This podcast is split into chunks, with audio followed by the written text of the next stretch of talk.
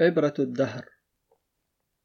بنى فلان في روضة من رياض بساتينه الزاهرة قصرا فخما يتلألأ في تلك البقعة الخضراء تلألؤ الكوكب المنير في البقعة الزرقاء ويطاول بشرفاته الشماء أفلاك السماء كأنه نسر محلق في الفضاء أو قرط معلق في أذن الجوزاء وكأن شرفاته آذان تفضي إليها النجوم بالأسرار وطاقاته أبراج تنتقل فيها الشموس والأقمار. شاده مرمرا وجلله كلسا فللطير في ذراه وكور ولم يدع ريشة لمصور ولا ليقة لرسام إلا أجراها في سقوفه وجدرانه وطاقاته وأركانه حتى لا يخيل إلى السالك بين أبهائه وحجراته ومحاريبه وعرصاته. أنه ينتقل من روضة تزهر بالورود الحمراء والأنوار البيضاء إلى بادية تسنح فيها الذئاب الغبراء والنمور الرقطاء.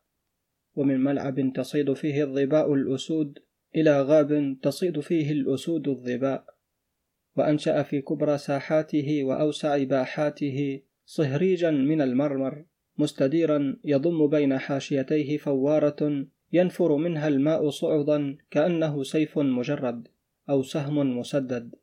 فيخيل إلى الرائي أن الأرض تثأر لنفسها من السماء وتتقاضاها ما أراقت منها من الدماء. تلك تقاتلها بالرجوم والشهب وهذه تحاربها بالسهام والقضب.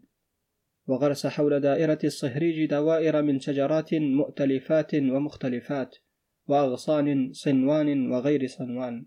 إذا رنحتها نسائم الأسحار رقصت فوق بساط الأزهار وتحت ظلال الأثمار.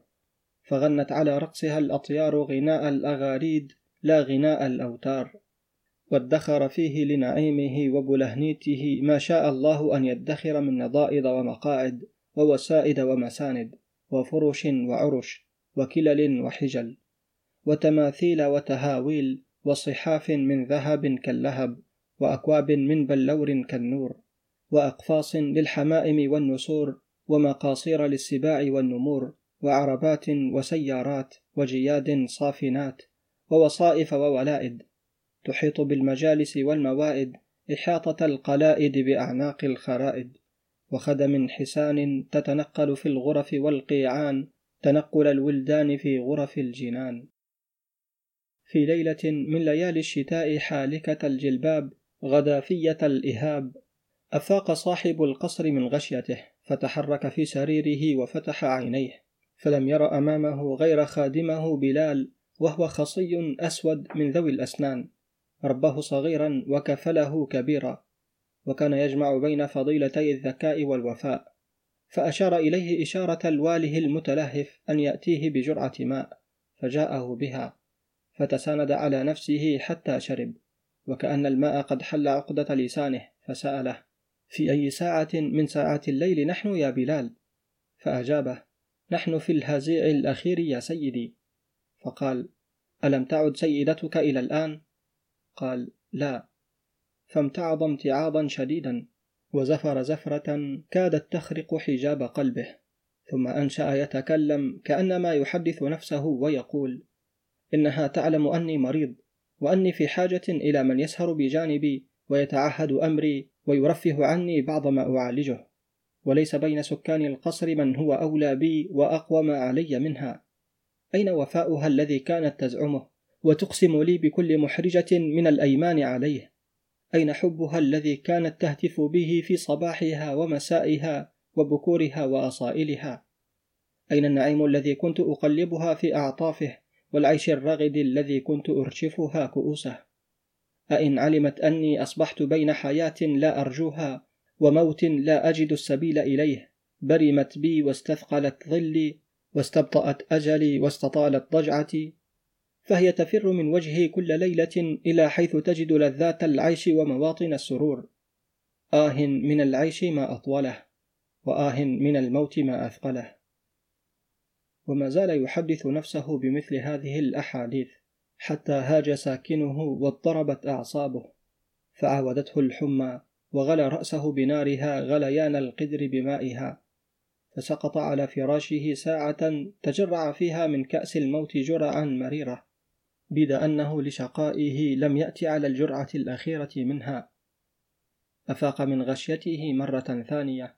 فلم ير بجانبه تلك التي تسيل نفسه حسرات عليها فسأل الخادم ألا تعلم أين ذهبت سيدتك يا بلال؟ قال خير لك ألا تنتظرها يا مولاي وألا تلومها في بعدها عنك فإن لها عند بعض الناس دينا فهي تخرج كل ليلة لتتقاضاه قال ما عرفت قبل اليوم أن بينها وبين أحد من الناس شيئا من ذلك ومتى كان يتقاضى الدائن دينه في مثل هذه الساعة من الليل؟ وهل أعياها أن تجد من يقوم لها بذلك فهي تتولاه بنفسها؟ وهلا فرغت من أمر دينها بعد اختلافها إليه سنة كاملة؟ قال إن بينها وبين غريمها صكا مكتوبا أن يؤدي ما عليه من الدين أقساطا في كل ليلة قسط. على أن تتناوله بيدها وأن تكون مواعيد الوفاء أخريات الليالي.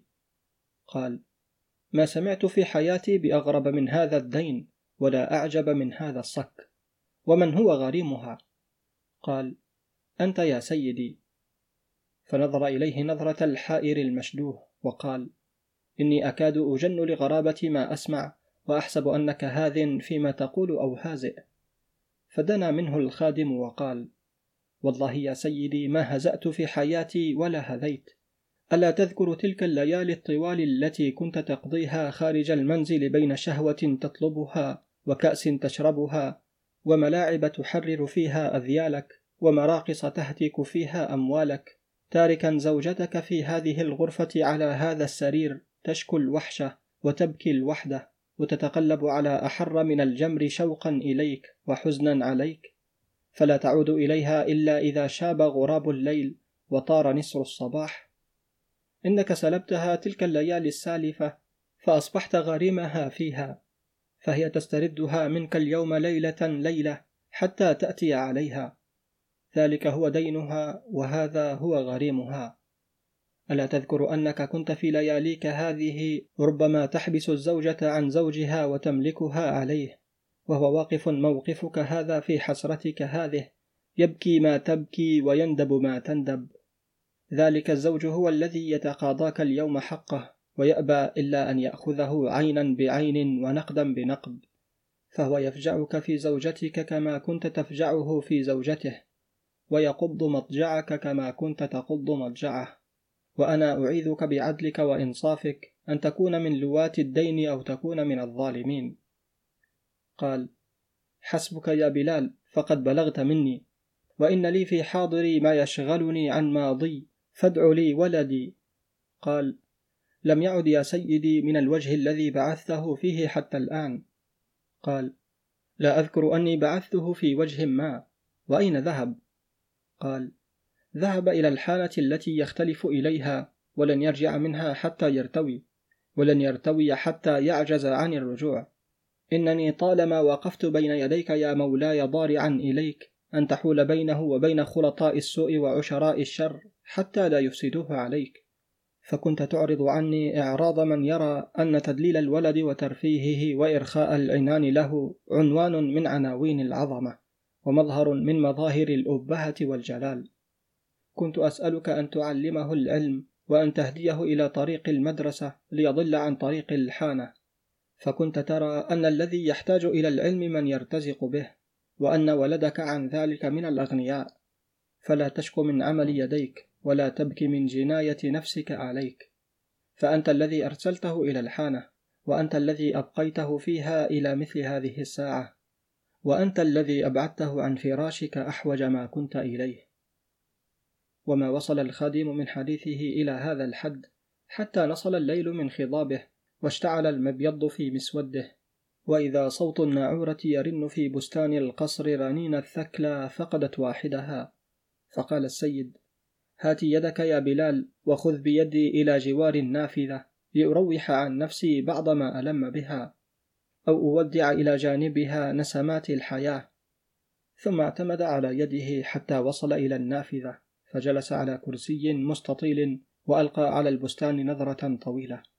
فرأى البستاني وزوجته جالسين إلى الناعورة وقد برقت بوارق السعادة من خلال أثوابهما البالية بريق الكواكب المنيرة من خلال السحب المتقطعة.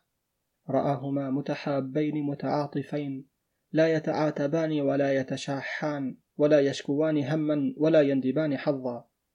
رآهما قويين نشيطين يجري دمهما في عروقهما صافيا رائقا.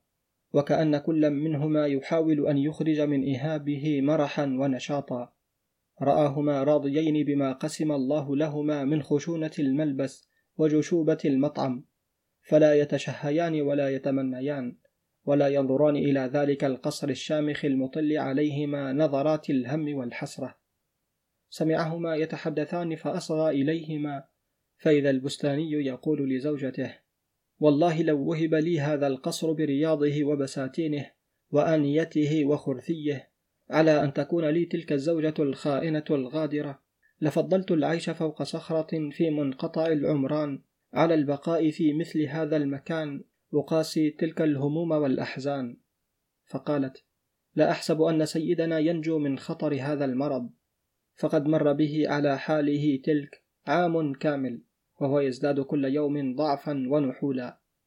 قال لقد علمت أن الطبيب قد نفض يده من الرجاء فيه وأضمر اليأس منه ولا عجب في ذلك فإنه ما زال يسرف على نفسه ويذهب بها المذاهب كلها حتى قتلها. قالت ما أشقاه أكانت نفسه عدوة إليه فجنى عليها هذا الشقاء وذلك البلاء؟ قال ما كان عدوا لنفسه ولا كانت نفسه عدوة إليه ولكنه كان جاهلا مغرورا غره شبابه وماله وعزه وجاهه فظن أنه قد أخذ على الدهر عهدا بالسلامة والبقاء فانطلق في سبيله لا يلوي على شيء مما وراءه حتى سقط في الحفرة التي احتفرها لنفسه قالت أتعلم ماذا يكون حال هذا القصر من بعده؟ قال لا أعلم إلا أنه سيكون لولده. قالت ولكني أعلم أنه سيكون لفلان. قال إن فلانا ليس وريث السيد بل صديقه. قالت إنه ليس بصديق السيد بل صديق السيدة. فهو خاطب زوجته قبل وفاته وزوجها بعد مماته. فما سمع السيد هذه الكلمات حتى اضطرب اضطرابا شديدا وسقط عن كرسيه وهو يقول أشهد أني من الأشقياء. وما زال في غشيته تلك حتى صحى صحوة الموت. وفتح عينيه فرأى بين يديه هذا المنظر المحزن المؤلم. رأى ولده لاهيا بمحادثة فتاة من فتيات القصر. ورأى زوجته تضاحك تربا من أترابها وتغمزها بطرفها أن قد حان حينه ودنا أجله. ورأى صديقه أو ولي عهده يأمر في القصر وينهى. ويتصرف تصرف السيد المطاع. ورأى نفسه يعالج سكرات الموت ويعد عدته للانتقال من القصر إلى القبر. وهنا سمع كأن هاتفا يهتف به من السماء ويقول أيها الرجل لو وفيت لزوجتك لوفت لك ولو أدبت ولدك لعاناه أمرك ولو أحسنت اختيار صديقك ما خانك ولو رحمت نفسك ما خسرت حياتك. فأغمض عينيه وهو يقول فلتكن مشيئة الله. وهكذا فارق هذا المسكين حياته مفجوعا بزوجه وولده وصديقه ونفسه وبستانه وقصره. رب ركب قد أناخوا حولنا يشربون الخمر بالماء الزلال. عصف الدهر بهم فانقرضوا وكذاك الدهر حالا بعد حال من كتاب النظرات لمصطفى لطفي المنفلوطي. عزيزي متابع قناة كتب وروايات عبد الباري الطشاني. الآن يمكنك دعمنا للاستمرار في تقديم المزيد ولتحسين جودة المحتوى سواء على بيبال أو يمكنك الاشتراك معنا على منصة باتريون التي نشارك فيها معك محتوى حصريا. كما لا تنسى متابعتنا على منصات التواصل الاجتماعي. وللاستماع للكتب مباشرة تابع البودكاست الخاص بنا. ستجد كل الروابط بالوصف بالأسفل.